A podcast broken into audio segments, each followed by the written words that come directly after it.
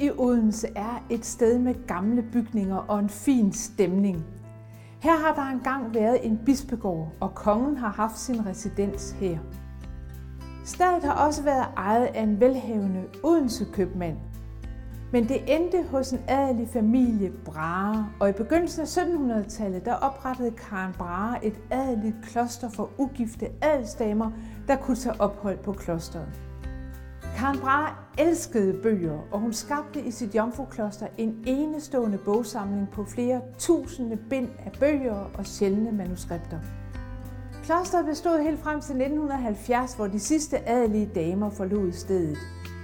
I dag er Jomfruklostret smukt restaureret af Real Dania, og det benyttes af Syddansk Universitet. Karen Brahes bøger de er her ikke længere, men hvorfor ikke fylde det smukke gamle kloster med nye bøger? En samling af det bedste af nyere dansk litteratur. Velkommen til Majs Litteraturkanon.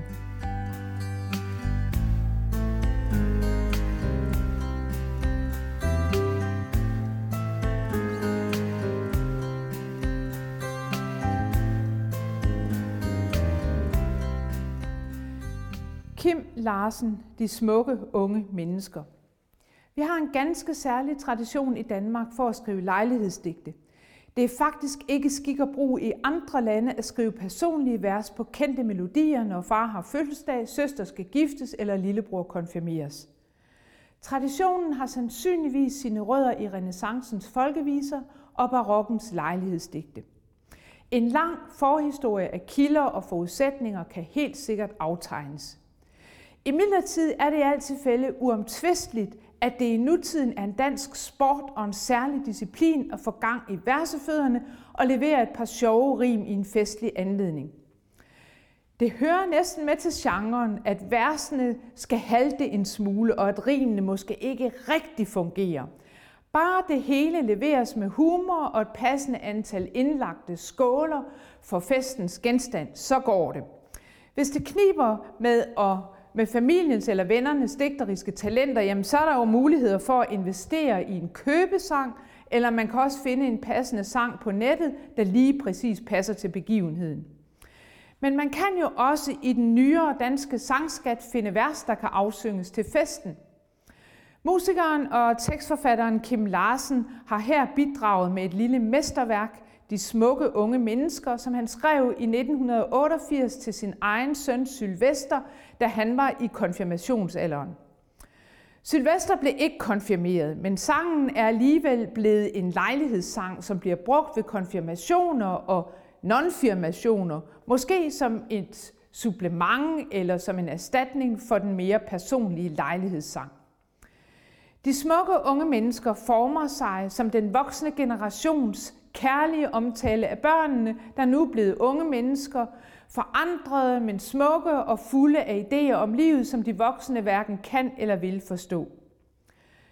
Sangen den lykkes, fordi den vender og drejer sine klichéer, så de får en ny mening og en helt særlig poesi, der fylder versene med både de voksnes glæde over, at børnene er blevet store, og så med en vedmodighed over, at nu er deres barndom forbi, nu er de på vej ud i livet. Vi kender udtrykket de unge mennesker fra hverdagssproget, men Larsen gør det poetisk ved at tilføje skønheden. I starten af sangen, der hedder det, De kom flyvende med storken til dette gudsforladte sted, fra alle fire verdenshjørner, hvis vi tager det hele med. Og nu er de blevet voksne, ligner ikke mere sig selv. Stemmerne er forandret, men vi kender dem alligevel. Historien om storken, der kommer med de små børn, lader tankerne glide tilbage til børnenes allertidligste barndom, hvor eventyr og sjove historier fylder børnenes og de voksnes liv. Billedet understreger, at børnene har været et næsten eventyrligt mirakel på dette gudsforladte sted. Børnene de gav livet større mening og betydning. Børnene samlede tilværelsens fire verdenshjørner. Men nu er barndommen forbi, hvilket Larsen vælger at beskrive med de forandrede stemmer, der gør, at børnene lyder jo anderledes, selvom forældrene selvfølgelig stadig kender dem. Sangens virkemidler de er utrolig enkle.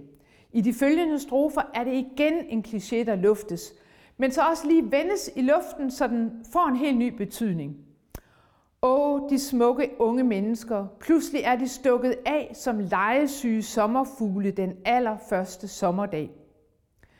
Her er det jo lige før vi havner i dansk toppens lille sommerfugl, men det gør vi så netop lige præcis ikke. De unge sommerfugle, de indgår ikke i nogen idyl, de er legesyge, og så stikker de af fra den hjemlige have. Kim Larsen undgår også en idealisering og en banalisering af sine billeder ved at digte om, at de unge har forskellige forudsætninger. Nogle børn er blevet tilbedt i deres familie, andre de må nøjes med digitale vuggestuer og tilfældig kærlighed. Digitale vuggestuer, det lyder jo altså sådan maskinelt og umenneskeligt, og det trækker de enkle vers, der bliver de forskellige vilkår, som børnene har trukket op og der er en fin ømhed, og der er en nænsomhed, og sangen udtrykker både de voksnes glæde over, at børnene er blevet store og smukke, og nu på vej ud i livet, og så altså vemodigheden over, at barndommen er forbi, og de voksne aldrig rigtig vil kunne forstå de unges idéer om livet. Sangen har på denne måde en egen velgørende respekt over for de unge. Og selvfølgelig har den også et de skal leve med i sine vers. Hvis det kniber med lejlighedssangen til konfirmanden, har Kim Larsen altså her leveret en flot tekst, der kan afsynges, eller måske inspirere familie og venner til at digte videre og tilføje et par personlige vers.